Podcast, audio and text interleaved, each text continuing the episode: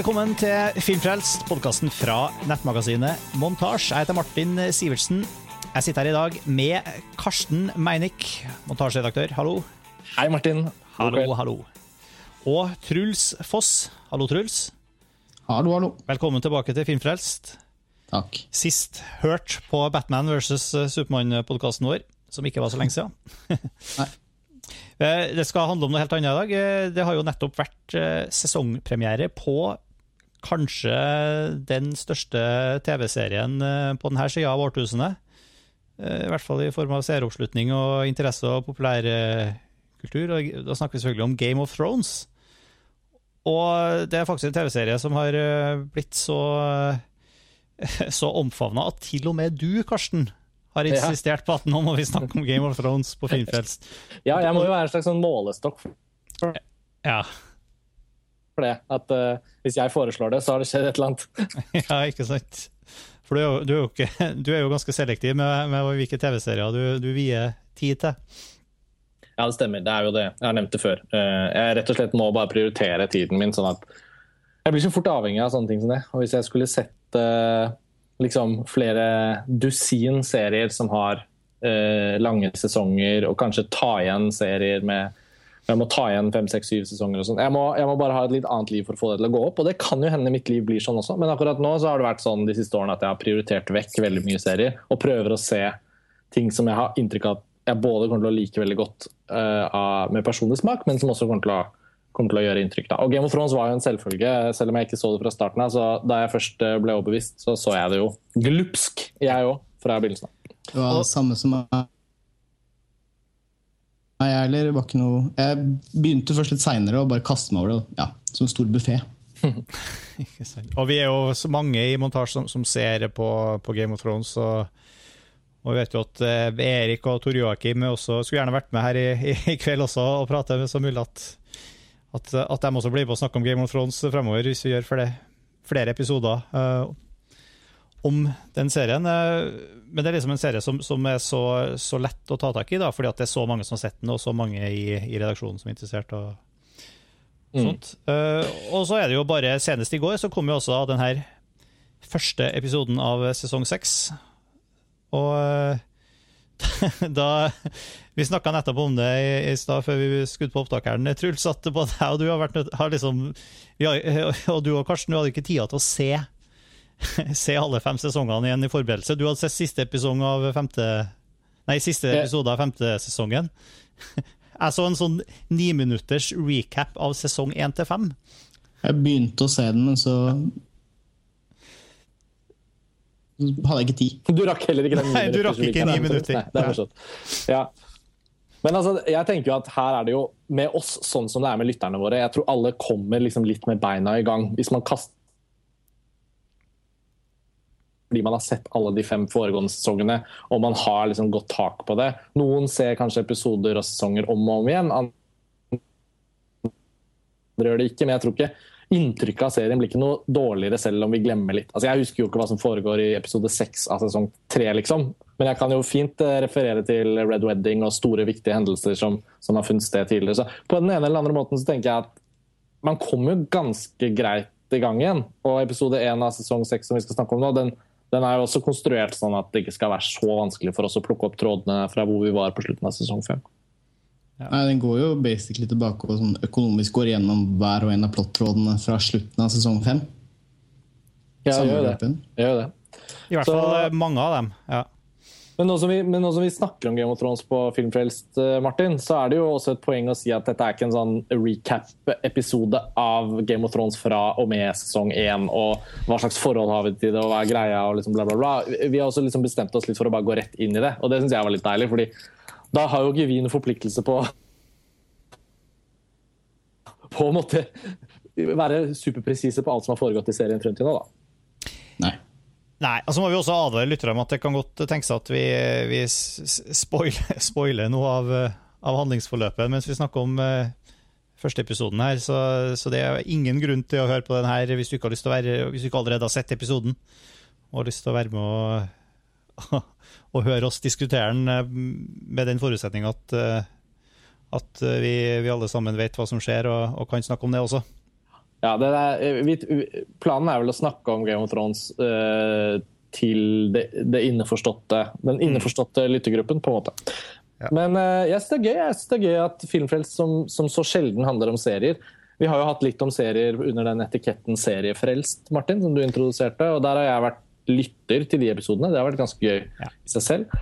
Mens dette er jo mer spesifikt på episoder. da, og det, det, Jeg liker det formatet, for det ligner jo litt på det å snakke om én film. på en måte. Ja, og den er jo, Game of Thrones er jo en av de, og stadig flere serier er jo sånt at, at hver episode i hvert fall, De er jo mye, mye mer filmatisk av seg nå ofte, og spesielt eh, Game of Thrones, da.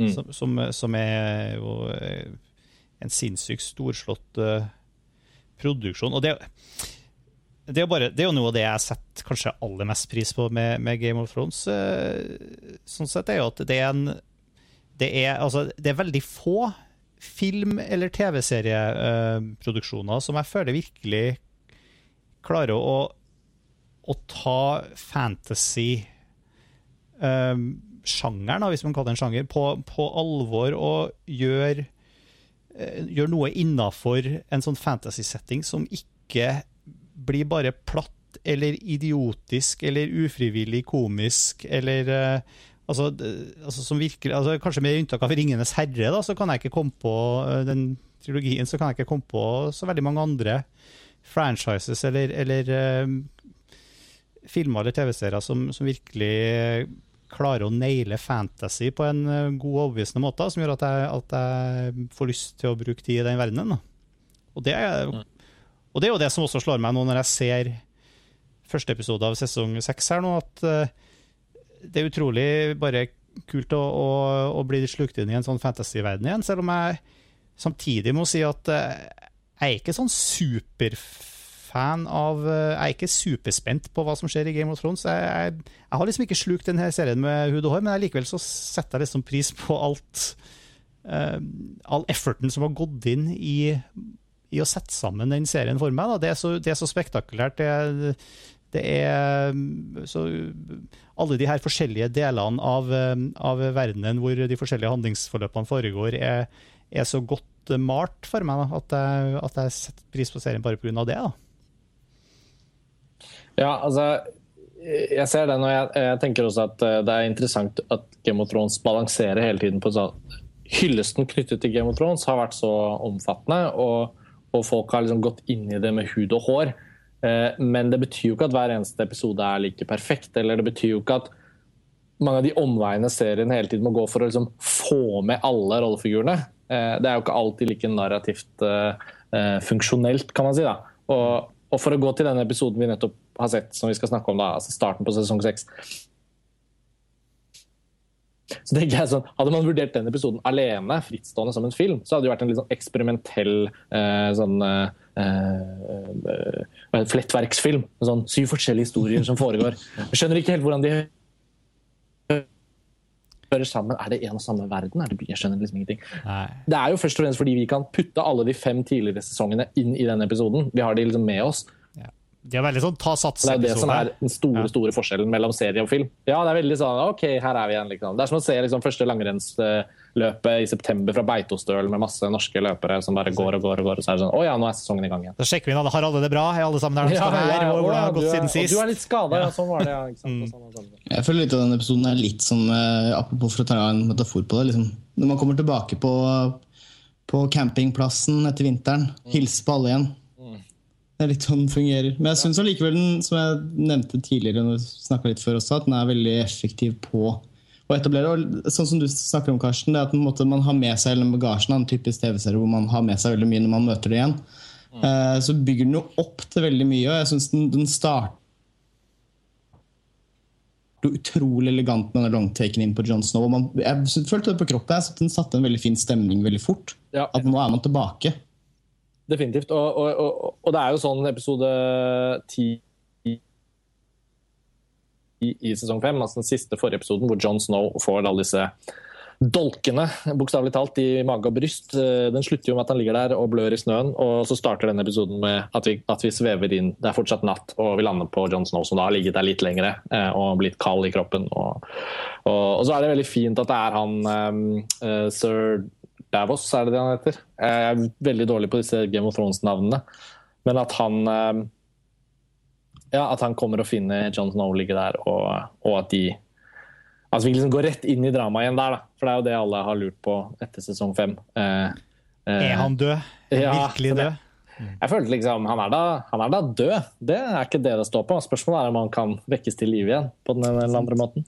Um, så det, ja, nei, jeg er enig. Starten på denne episoden syns jeg fungerte veldig bra. Så, og så Jeg vet ikke hvordan vi skal snakke om det, men det er litt sånn naturlig å kanskje gå, gå en tur innom hver av disse forskjellige plottlinjene. og høre litt hva, for Jeg vet ikke, jeg liker jo ikke alle de plottene som løper nå uh, i sesong seks, like godt som Nei, og det Av start og slutt, på et vis? Eller? Jo, jeg, jeg vet ikke. Hva tenker du, Martin? Nei, altså jeg har aldri helt kommet inn i f.eks. den her uh, plotlinen som, uh, med han Jamie som er på tokt til Til Dorn? Ja, til Dorn. Den biten ja. av det med de her, uh, de her veldig ninjadamene og Nei, altså, den, den, biten av historien har aldri, har aldri helt klart å, å svelge, da. Eh, eller i hvert fall å la meg rive med av. Ja, The Sand Snakes, disse ja. tre, De tre jentene. Eh, tre jentene. Ja, jeg syns også den var ganske rar, på en måte, i sesong fem. For jeg følte liksom at eh, det var så åpenbart det var filmet liksom i, i, i et eller annet sted i Middelhavs-Europa, eller Spania kanskje. Det var liksom sånn, Hele estetikken var sånn Her har vi en ny verden å by på. Men så var det som om de aldri gikk videre inn i det. da. Det var som om liksom Jamie og han Hva heter han? han han duden som alltid har hengt med han gjennom eh, serien. Jeg husker ikke hva han heter. Eh, han som alltid sjekker opp noen damer.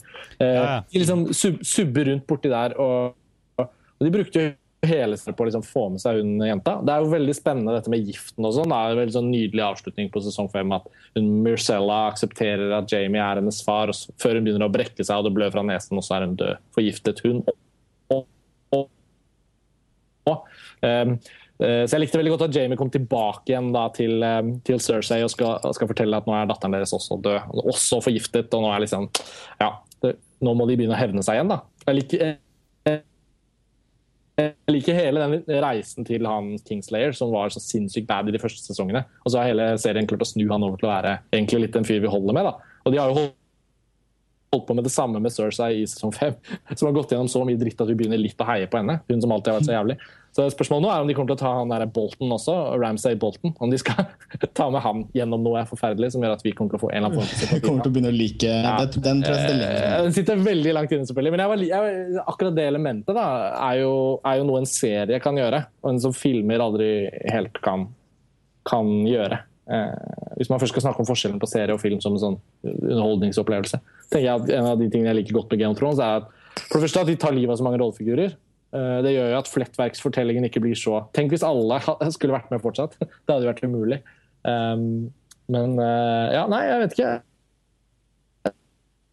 Det, det, med Dorn ser jo ut til å være litt sånn avsluttet nå, da, og det liker jeg. Men uh, jo, bare for å trekke det sånn kort tilbake til Martell, dette Spania-segmentet. Mm. Uh, for også, det føles veldig sånn eksternt fra resten. Det føles så separert fra det. Det føles liksom ut som en historie i historien. Det føles ja, distansert, da, der alle de andre er knytta opp mot hverandre. Alle vil ha en trussel overfor hverandre. Ja, liksom, det er intensitet der, Så det eksisterer litt som en sånn egen boble. Et eget vakuum på sida. Mm. Så det blir liksom uengasjert når man krysser over dit. Ja, altså man kan sammenligne, jeg vet ikke om dere har tenkt på dette, men man kan sammenligne det litt med Marine, da, hvor Deneris Daenerys uh, ankommer og liksom tar over, eh, liksom hersker over Marine. Og så er, eh, frigjør hun alle slavene. og så liksom ja, de etablerer en ny verden når hun kommer dit, men, men, det har de også brukt god tid på å utvikle. Da. Sånn at i Marine har vi liksom fått sitt eget lille klimasystem med forskjellige konflikter og liksom de Sons of Harpy og hele den undergrunnsbevegelsen der med de maskene og alt, alt det vi har vært med på der. Da. Og nå også den vendingen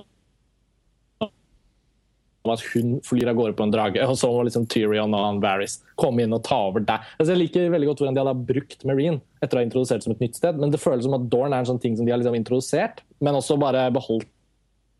Mm. Og det tror jeg gjør at ikke vi ikke bryr oss så mye, da. Det føles i hvert fall som det svake leddet i denne ja. episoden. og Så får vi se om de, om, om de, skal gjøre noe mer ut av Dorn i sesongen for øvrig. Jeg må si at Noe av det jeg likte best med denne episoden, da, for å snu det litt, det var vel at Sansa Stark liksom endelig havnet liksom i trygge hender. Tilsynelatende, da. Så får vi se hva som skjer. Men hun har liksom vært gjennom mange lidelser for det. Veldig, og det var bare Ja, det var en fantastisk eh, den, Når man tror hun skal bli fanget igjen for å dra inn i helvete, og så blir hun redda. Det, var sånn, det, har vært så mange ganger hvor hun, det ikke har skjedd. Hvor hun bare blitt fanga igjen og igjen og igjen. og igjen, bare blitt kjørt gjennom et helvete, og nå bare sånn Ja, Jeg ventet bare på klippet til Ramsay Bolton som tar henne i håret og bare slenger den inn i en ny sånt fangehull. Mm. Ja. så når, men så er det jo, vi vet jo at, uh, at Brienne og Podrick er i nærheten. Så det var litt sånn, hvis ikke de kommer nå, så er det sånn, litt sånn narrativt urettferdig å dra oss gjennom enda en sånn tortursekvens. Så det var veldig gledelig. Og så er det jo litt hyggelig at han, som i noen sesonger har vært Reek, endelig kan få lov å bli omtalt som Theon igjen. ja, du, du unna han det? Jeg gjør det nå. Ja. Han er også en av de som har gått gjennom så mye at nå, nå er han på, på det gode laget, I det hele tatt mye tortur og Mye, Ja, det er- mye man tortur og voldtekt og ja. noe om den generelle tematikken, da. Altså at, at alle mennesker må dras gjennom skjærsilden før de skjønner hvem de egentlig er, på en måte, eller hvem Ja. de kan være. Det er mye av det, og serien får jo også mye Skulle til å si mye, mye kritikk for også det. da. Mm. Og innimellom så Jeg, jeg husker at da um, Bare for å trekke en parallell til, til en serie som gikk Det må sikkert vært 10-12 år siden. Jeg vet ikke om dere husker kanskje den Rome? Som var en sånn Også en banebrytende historisk eh, TV-serie. Ja, altså Ro- Roma. på Ja, på en måte 2000 måte. 2000-tallets Jeg på uh. Quo Vadis, på en måte. Ja.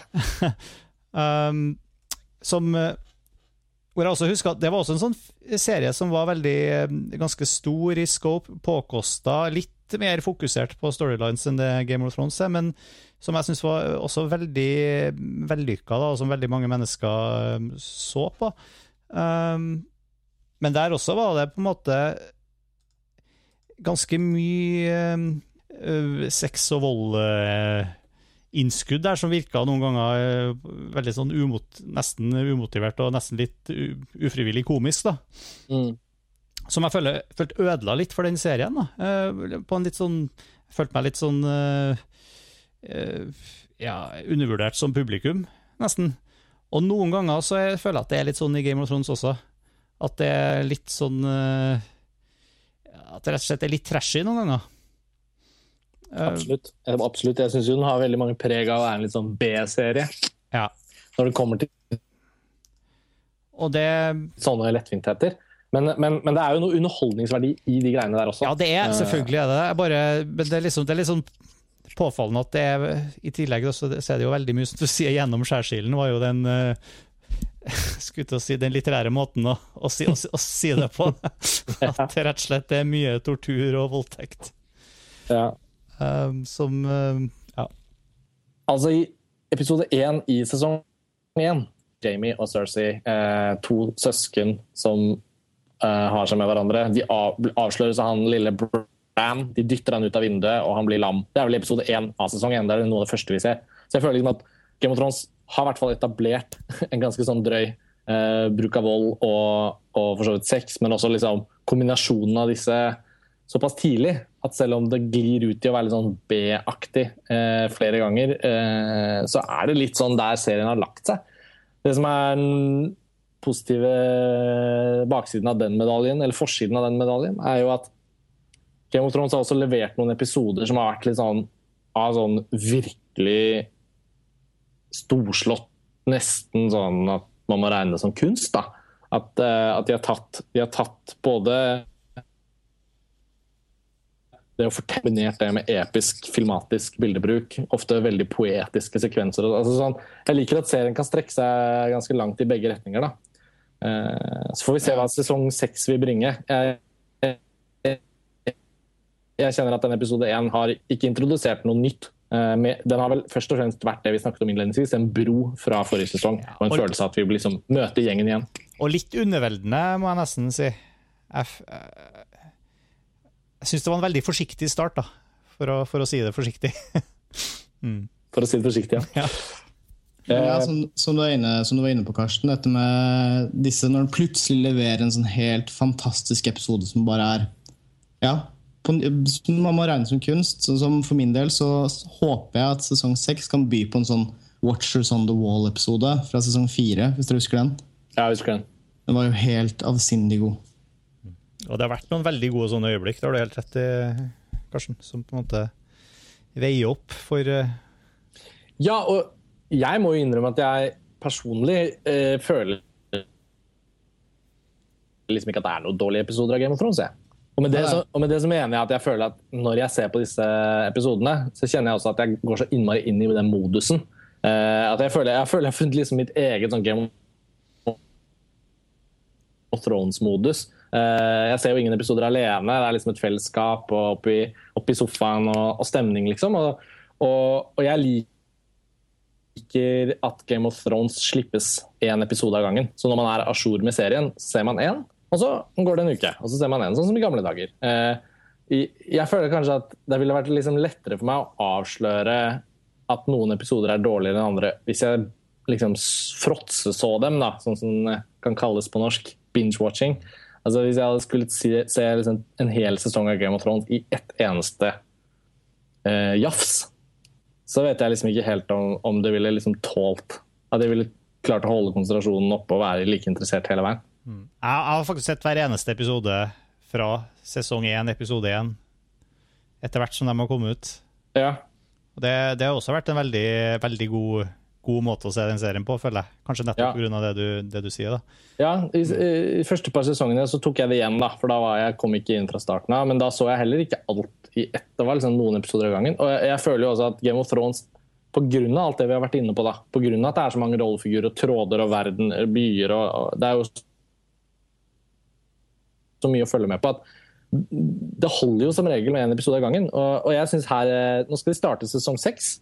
Det er ganske mange folk som har blitt drept i løpet av de siste par sesongene. Og, og det er også litt sånn stille før stormen, hvis vi, hvis vi, trekker opp de store narrative linjene her. da. White Walkers og, og, og The Wall. Der kommer det jo til å komme en, et stort slag. Eh, om det er på innsiden av The Wall eller om det er på The Wall, hvem vet. Men det skal du, jo komme Du tror også at winter is coming, kanskje? Går det an å ikke tro det? Jo, men, jo, men, og, og, det som jeg syns har skiftet nå, det er at det har vært så mye mas i så mange sesonger om å få kommet seg på den jævla jerntronen, og hvem har rett på tronen, og, og, jeg har rett og du har ikke rett, og hit og dit og opp og ned. Nå føler jeg det er liksom blitt uviktiggjort på den ene eller den andre måten. Uh, altså Nå sluttet jo sesong fem med at også Stannis uh, til slutt måtte bøte med livet. Da er han ute og så nå er jo liksom Deneris hun er jo liksom helt eh, Det er lenge til hun skal ta den tronen, føler jeg. Hun har mye annet å ordne opp i.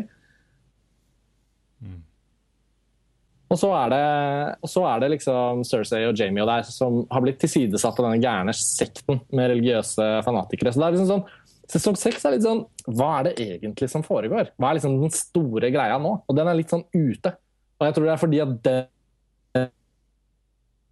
den ikke står så i fokus, at serien må finne, liksom, må finne, finne liksom trådene litt igjen. Og at det antageligvis i løpet av denne sesongen vil bli Nei, Jeg kan ikke skjønne noe annet enn at det vil være kampen med liksom, White Walkers, mer enn at det blir liksom kampen om å sette seg på den tronen. Ja, men det er, det, som er, det er også det som er litt sånn flott da, med en sånn serie. Når den er såpass sprikende som den er, så er den i hvert fall eh, Og har så mange tråder, så er det jo den på en måte så kan du si at det er vanskelig å finne ut hva hva det egentlig som skjer, hva det egentlig det her handler om. og sånt, Men den, i alle de, de storylinesene så er det jo så mange forskjellige typer eh, figurer. Ikke bare forskjellige typer eh, rollefigurer og, og, mennesker, men også sånn, så mange folk fra forskjellige nivåer, eh, forskjellige samfunnssjikt. Liksom, alt fra de, de, som sitter på tronen, og de som er i, i hoffet. og ned til liksom eh, de som er helt på bunnen av eh, rangstigen og, og krabber rundt og tigger og, og er liksom mm. kryp i gjørma, og alt imellom. At, at har, og alle sammen har jo like store Har det jo like forferdelig og jævlig og sliter med de samme tingene. Og, altså det It's bad all over. det, det, ja. og, og det, det, det, setter jeg pris på, da, i hvert fall. At at, at, du serien får en sånn episk, mytologisk dimensjon uh, av, av, å vise uh, Ja, alt er ganske sånn sirkulært og, mm. og um, ja, jeg vet, ja. jeg vet ikke hvor, jo, jo, hvor, det, hvor, jeg ville med det, men det, det, det, gjør at serien føles på en måte kanskje større enn, en, større enn seg sjøl. Ja, og, og, det har faktisk skjedd ganske mye i dette universet i løpet av de første fem sesongene. Det er vanskelig å huske på alt hvis man ikke ser seg opp og holder seg oppdatert og, og dyrker det sånn fullstendig og leser bøkene om igjen. og bla bla bla. Det er mye man kan gjøre. og det er Lange veier over i, over i å dyrke noe som er langt forbi eh, oss. Jeg tror vi alle vi tre representerer vel ganske vanlige seere som ser det etter hvert som episodene kommer. Eh, men man er jo ikke noe mindre interessert nødvendigvis. Og, jeg tror du har helt rett i at for Game of Thrones sin del så handler det veldig mye om hvilken kvalitet du kan hente ut av det du allerede har sett når du ser en ny episode. Det er jo noe føljetong-narrativ, og det er, um, som vi tullet med innledningsvis, at hvis dette hadde vært en film alene, så hadde det vært en veldig eksperimentell eh, flettverksfortelling. Men, men, fordi vi kjenner serien, og fordi det er en serie, så, så kom man jo inn med beina litt løpende i gang. Og, og, Derfor føler jeg at egentlig, for meg var denne episoden ganske tilfredsstillende. Eh, jeg hadde ikke noen problem med den, jeg syntes ikke den var kjedelig. Jeg fikk bare lyst til at det skulle være en ny episode klar. Så jeg kunne se det nå. Men fordi det jeg må vente en uke, så, så gjør det jo også at jeg liksom føler at jeg får lyst på mer hele tiden, da, istedenfor å bli lei. Og, og, det er jo noe med at TV-serier fort kan, kan bli så repetitivt at man går lei. da. Mens Game of Thrones har funnet en perfekt modell da, med at de både kan ta livet av viktige rollefigurer og klare å introdusere nye som vi bryr oss om. Og drive og snu på sympatistrukturene, sånn at rollefigurene som har vært bad guys i to sesonger, kan plutselig bli, om ikke good guys, så i hvert fall bli rollefigurer som vi har et komplekst forhold til. Da. At vi tenker ok, men nå fortjener jo de faktisk litt eh, hevn, eller nå fortjener de å bli behandlet bedre. Eller, ja. ja. Og det er jo noen rollefigurer som har sklidd litt ut av historien, føler vi kanskje det er mulig at de kommer tilbake senere, men også som som har ramla litt ut. Ja, vi fulgte for... mye mer før. Men, mens nå har vi jo, i denne episoden her, så får vi jo veldig ble det gjort Det er jo tydelig at vi skal bli mye mer kjent med rollefiguren som avslutta episoden ganske spektakulært, da, må man jo si, med hun som er hun heksa. Melisandre. Melisandre, ja, som, Melisandre vi har, som, vi har, hatt et bare sånn litt sånn hva skal vi si, eh, perifert forhold til så langt, føler jeg. Hun har jo vært inn og gjort en del viktige ting, men har alltid liksom vanka litt i kulissene. Og nå er det jo tydelig at, at hun blir jo mer og mer kanskje en hovedfigur her nå. Muligens. Men hva, hva, hva, hva, hva syns vi om den? Uh, Episoden heter jo The Red Woman. Ja, og det er jo og jeg tenkte hele veien gjennom episoden Når er det jeg skal skjønne at den heter Red Woman? Ja, ikke sant. Men eh, ja, alle som hører på nå, har jo selvfølgelig sett episoden de har regner jeg med. Og, og den sluttscenen den gjør jo veldig mye for å løfte episoden til å bli noe mer enn bare en oppsummering. Da. Den er jo en igangsetter definitivt av en ny forståelse av, av henne. Mm. Jeg husker ikke. hun, blir, hun blir, jo litt jeg, jeg, føler at hun på en måte Tidligere i eh, tidligere episoden så sier jo Cersei når hun finner ut at dattera var død, så mm. nevner hun en heks som har sagt til henne at hun skal miste alle barna sine. og videre.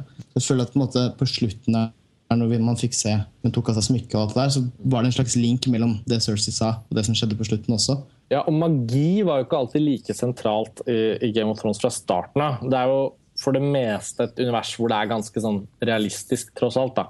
De fleste rollefigurene er på en måte mennesker, kan man si. Og så er det noen vesener etter hvert. Men for det meste liksom mennesker. Og så kommer jo hun inn på et tidspunkt. Og, og når han, eh, broren til Stannis, uh, Renly, er det det? Baratheon, blir drept av Hva var det de sier? A shadow with your face. Uh, som Brienne uh, sier før hun dreper Stannis i sesong fem. og da og da ble det introdusert en sånn følelse av, av magi som var reell. da. Og der, og der, så hun, eh, Melisandre har jo alltid vært en rollefigur som man tenker at det er noe mer. Og, men så har jeg, fordi de har holdt så mye tilbake, så blir man nysgjerrig på liksom, hvor mye er det hun faktisk kan gjøre, og hvor mye er det som er bullshit. liksom. For Det høres jo også ut som en sånn, litt sånn alternativ religion. Uh, som hun har drevet og, og, og preacha, og fått han Stannis totalt hypnotisert. Og nå, så, nå, er jo hun også litt alene igjen, da, og det liker jeg også. At hun er nå, pga. at Stannis og hele den kampen er liksom blitt uh, uh, ja, har kollapset, alle er drept, så, så, er jo hun nå en litt sånn løs kanon. Og da var det veldig bra tidspunkt å introdusere et nytt element ved henne. Og det at hun tar av seg, skal legge seg til å sove og tar av seg dette smykket, som åpenbart har en eller annen form for magisk, magisk element ved seg, så ser vi at hun ser seg selv i speilet, og, og sakte, men sikkert så blir det avslørt at hun er 300-400 år gammel. Eh, jeg har lest meg litt opp på det i dag. Det har vært noen intervjuer og de har snakket litt om hvordan de løste det rent teknisk. det var en 80 år gammel irsk dame som er kroppen, og så hadde de sminket hun eh, Carice van Houten eh, i ansiktet da, til å se veldig veldig gammel ut. Og så hadde de digitalt sydd sammen de to elementene for å få henne til å se ut som en veldig veldig gammel dame. Uh, ja, nå ødela du alt for meg, Karsten. Nå tror jeg ja, ikke på det lenger. Ja, Beklager. Sånn er det.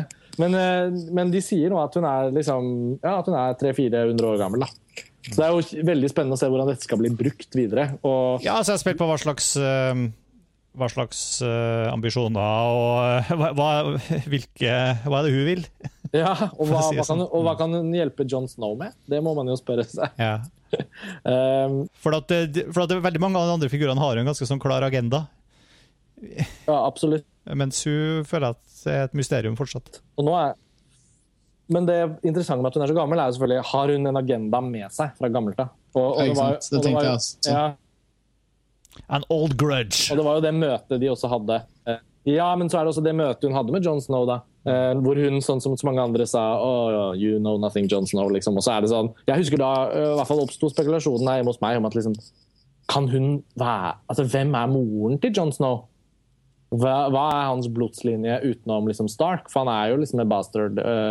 og kan hun ha Altså Er det noen kobling der? Hvilken annen slekt er John Snow eventuelt genetisk en del av? Og En annen ting som ble spekulert i i dag, som jeg synes var ekstra gøy, er liksom at ja, han, øh, denne ulven, altså Direwolf øh, Ghost? Øh, ja, det heter jo Ghost. Mm. da, ja, den der teorien om at det er John Snow har på en måte gått inn i Ghost og på en måte tatt over Ghost.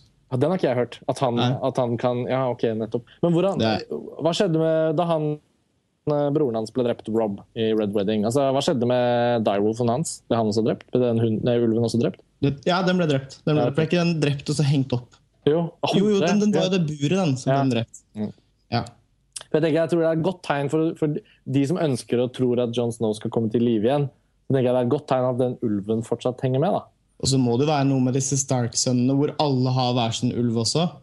Som bare ble som introdusert som en sånn tilfeldighet i starten at de hadde funnet de. Ja, det var jo første, var, jo, var ikke det første episode? Det, Så det er noe der, altså. Og så kommer jo Bran tilbake. da, Han har jo vært borte hele sesong fem. Og han er jo, eh, han er jo blitt en uh, liten en tenåring, en ung mann.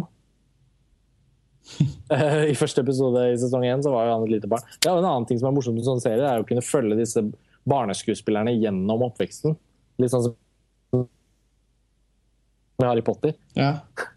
så, så, og Bran eh, er jo, er jo, både synsk og Han kan jo se både bakover og forover i tid. Eh, så det blir mm. veldig spennende å se hva slags eh, videreutvikling han går gjennom nå. da. Etter å ha vært hos Three-Eyed Raven. Ja, i hvert fall etter den slutten. Man fikk jo ikke se så mye der inne heller. Det var litt sånn, sånn, det, så, det, føles som det er mye som ligger og ulmer hos disse Starks, uh, enten Bastard eller ja. Pure Blood. ja, men så er det jentene, da. Altså Sansa, jeg, som sagt, jeg syns det er så fint at hun endelig, i hvert fall for en episode, da Nå er hun i trygge hender. Så får vi se hvor lenge det varer, for hun har jo bare lidd. Men så er det jo Aria Stark, det har vi ikke snakket noe om. Nei. Uh, hun har jeg alltid likt så godt gjennom hele serien. Jeg vet ikke med dere. Ja, jeg har også likt henne veldig. Og den reisen hun har hatt, har alltid vært så veldig engasjerende. For den har på en måte vært sånn, den har vært sånn hva skal jeg si for noe, smygende gjennom overalt, på et vis. Ja, Hun er litt sånn Uma Thurman i Kill Bill i Game of Thrones, føler jeg. At hun skal liksom ta hevn. Og det er, Hun har en liste over navn, og that's it, liksom. Uh, men samtidig så har ikke det hennes motivasjon for å bli drevet uh, hit og dit har jo ikke egentlig vært noe hun har kontrollert fordi hun har vært et barn. Og og så nå gradvis så, så, får hun også et helvete, da. Eh, da hun kom til hva heter det, Bravos i starten av mm. sesong fem, var det vel, så tenkte jeg ok, dette blir gøy.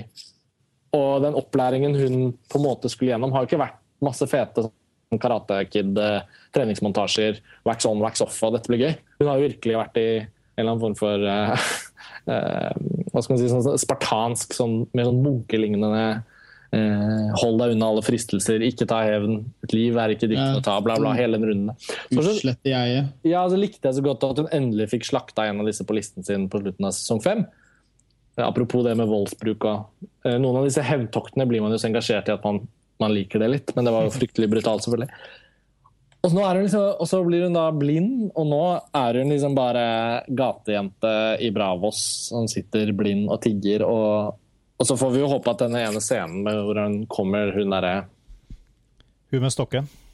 andre kommer med denne pinnen. Ja, under stokken og begynner å slå løs på henne. Så tenker jeg at det forhåpentligvis blir motivasjonen til at Arian Stark tenker Jeg at, føler litt at det er en del av den treningen også. Ja, For. Når du kommer bort til henne, så sier hun dette, lytter du til hva andre sier, ingen andre bryr seg.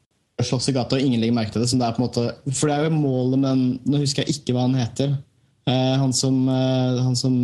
Trener den opp. Eh. Målet er jo på en måte å bli usynlig og kunne ta andres ansikter. ja, no one, Ja. you're still someone, eller et eller annet sånt. ikke han sa. Og det er, Han har så vanskelig navn. Det er et eller annet Jacken uh, Ja, samme det. Jeg savner dog likevel Jeg savner liksom at det er noen da uh, i uh, Uh, Altså Cersei, hele nedi den altså Den der religiøse sekten som har liksom tatt over litt i hovedstaden. Det at liksom ikke folk er hypp på den jerntronen ordentlig lenger fordi det er så mye annet å bry seg om, det har liksom tatt litt luven ut av hovedbyen. King's Landing. Ja, Kings Ja. Landing er liksom blitt litt sånn High Sparrow blitt, blitt sånn kristent opplegg.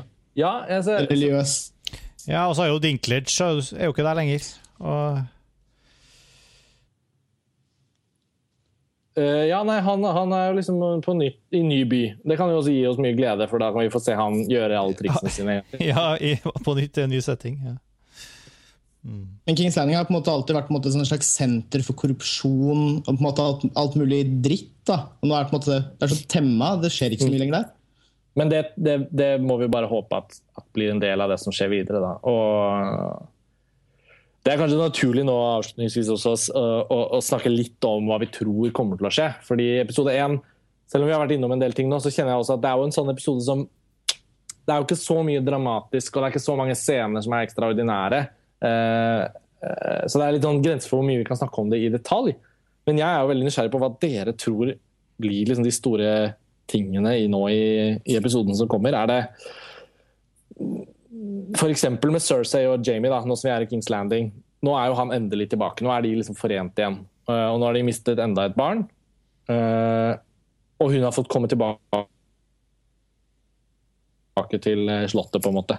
Hva nå? Altså, kommer de til å gjøre er, det det, som må- er det denne sekten som nå skal slaktes ned for fote? Ja, Det er det jeg håper skjer. At High Sparrowen Og så samler de kreftene i King La- Kings Landing igjen. For det er jo veldig ofte i Game of Thrones at på en måte, noe positivt skjer. Sånn som Man kan jo se High Sparrow-greiene som noe positivt, og så går det på en måte tilbake til det som en gang var. Men, Men liksom at det nå utvikler seg til å gå tilbake til dette korrupte stedet, at ikke det her har påvirka Cersei så mye, og at de faktisk måtte teamer opp og bygger opp et eller annet som kommer til å resultere i forhåpentligvis et slag. Jeg er så glad i slag. Ja. ja, nei eh, Vi trenger noen store slag nå. Ja, Det føles Ja. jo ut som det bygges opp, på en måte, hvis vi skal spekulere i hva som kommer til å skje. Men hvor er det dere ser for dere at det kommer til å skje? Det er, altså jeg tenker oppe, oppe, ved, oppe ved The Wall. Hva heter det? Castle Black? er det det? Ja, Eh, det. Der er jo han åpenbart nå for å hente The Wildlings. John Snows andre venner. eh, De som han hjalp inn på innsiden av muren. Og så må jo de komme seg opp der, og så blir det kanskje en liten En eller annen liten showdown med, med The Night Watch. Men alle er jo enige om at de har en større og viktigere fiende på den andre siden av The Walls. Det er jo grenser for hvor stort slag som kan skje der nå. Og så er det jo, det er jo ingen store hærer, bortsett fra liksom Boltons gjeng. Nei, det var jo en forhåpning om at eh, dragemora Ja, det skulle ha Ja, Men nå har de jo satt fyr på alle disse skipene òg. Ja, ikke sant? Så det, så det er jo, nå er jo helt, hun er jo helt uh, ute. Hun er jo på square hun, one igjen. hun har tatt trykk tilbake til start, på et vis. Ja. Ja, og, og der føler jeg liksom Der føler jeg Nå er de mer satt tonen for at det blir sånn trekantdrama. Disse to litt sånn subbete mennene som, som, som trasker langs gresset og leter opp smykkene hennes og prøver å få sporet henne opp. Og disse Dothraki-folka som driter langt i å, å, torturere henne fordi hun er en enke av en tidligere Khal, eller hva det heter. Nå skal hun, hun skal plasseres i kloster. Ja, jeg bare tenker sånn der, Snakk om å ta luften ut av en handlingstråd. da. Ja, for den, eh, den håper jeg utvikler seg i en litt mer spennende retning enn det ja, ser ut som. Hun er en av de få som er utstyrt med en sånn Ringenes herreaktig Deus Ex-maken. At det kan alltids komme en drage flyvende som har våknet som har savnet moren sin, og så bare hente henne, og så er hun med igjen. Ja, Enten hente henne, eller så blir de dothrakene overbevist, og så joiner de den hæren, som sikkert da ender opp med å vokse ytterligere, hvis hun får kontroll på den. Sant nok. Det er sant, ja. At hun kan få med seg Ja, jo, kanskje. ja. Nei, vi får se. Det blir jo veldig spennende. Kings, eh, Kings, Kings, Landing versus The Bolton er jo en sannsynlighet. Ja. Men vi har jo sett et sånt stort slag, Kings Landing. Ja, og så føler jeg, ja, men så føler jeg også at Boltons er jo faktisk først og fremst fokusert på å liksom, uh, få uh, konsolidert makten i nord. Og det er jo Sansa Starks uh, eggstokker, basically, som har vært i fokus. Og, og, hvis Brienne og gjengen nå klarer å få henne unna Spørsmålet er hvor de skal dra, da. Altså for, mm. for, for han Longfinger, holdt jeg på å si. hva heter han igjen? Uh, han er ikke med i episode 1, sesong 6. Littlefinger, herregud. Littlefinger. Han har jo vært supersentral for alle disse dramaene.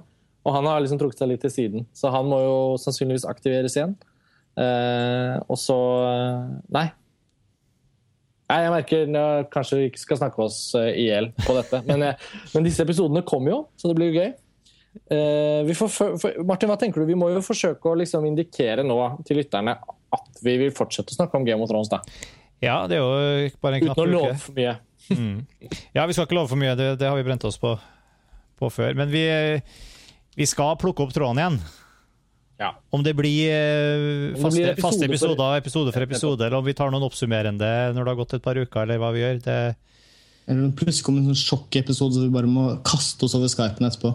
Ja, Det kan jo fort komme. Det er alltid en eller to klassikere i hver sesong. og og mange av de småepisodene innimellom er veldig bra, de òg. Ja, for det, sånn, bare sånn kjapt på den, det er akkurat det. I hver eneste sesong så har det vært liksom én til to skikkelig klassikere. Så mm. man vet de kommer også. Mm, de gjør det. Ja. Det, det, var kanskje det. They are coming. Winter is coming. Mm. vi, får, eh, vi får bare grave oss ned i tide skutt og, si, og, og vente, ja. på, vent på neste håper, episode. Mm. Jeg håper noen av lytterne våre som da følger serien og, og hører på dette, har noen kule teorier. Da. Eh, jeg synes jo eh, for meg blir jo Game of Thrones en veldig sånn underholdende eh, ting å følge med på. Kan ofte kjenne på at jeg kan bli vel seriøs når jeg sitter og ser filmer, for jeg tenker liksom at dette handler liksom om filmhistorien, og her må det forstås til høyre og til venstre. Mens Game of Thrones for meg er og det vet jeg at Lars Ole også, Apropos Lars Ole, som ofte er med på Filmfrelst, selvfølgelig, han, hans metode å se Game of Thrones på er ikke som alle andre. Han, han, vil, han vil, alltid se det på Blu-ray og han vil alltid se det i ett. Så han henger alltid et år etter. Så han hadde dessverre ikke da anledning til å koble seg på, for han skal i gang med sesong fem. Så, så, men han, har også sagt det at Game of Thrones uh, er en sånn perfekt blanding av noe som holder sinnssykt høy kvalitet, men som også kan innta en litt sånn derre ja, kan være litt sånn TV-serie, akkurat som popmusikk i livet. da, At man kan kose seg med det. At det trenger ikke å være så voldsomt intellektualisert. Uh, og Derfor syns jeg også det er litt sånn ekstra gøy med bare sånn vill spekulasjon rundt det som foregår. At man trenger å ta det så veldig seriøst. Og Derfor blir jeg ekstra nysgjerrig på, på hva man kan uh, spinne opp av teorier alltid sett på Game of Thrones som en sånn veldig sånn trashy, liten søplete pocketbok som uh, selges på sånn bensinstasjon, men veldig velskrevet. Ja, ikke sant? Pulp Fantasy. At, ja, jeg er sikker på at Hvis man hadde lest noen flere av de der eh, bensinstasjonsbøkene, så hadde man sikkert innsett at oi, det er ganske gøy. Alt som slår an, slår an av en grunn. Sånn er det alltid. Vi gleder oss i hvert fall til mer. Det blir ja. Kom veldig gjerne med innspill i kommentarfeltet, og vi tar også imot mail. Filmfrelst at montasj.no. Uh, gjerne relatert til Game of Thrones. Kanskje til og med noe vi kan ta med oss inn i diskusjonen i neste, i neste reaksjonsepisode. Ja. så, så, er vi tilbake om, eh, om, kort tid. Takk for nå, folkens. Takk for nå, Martin. Ja. Ha det bra.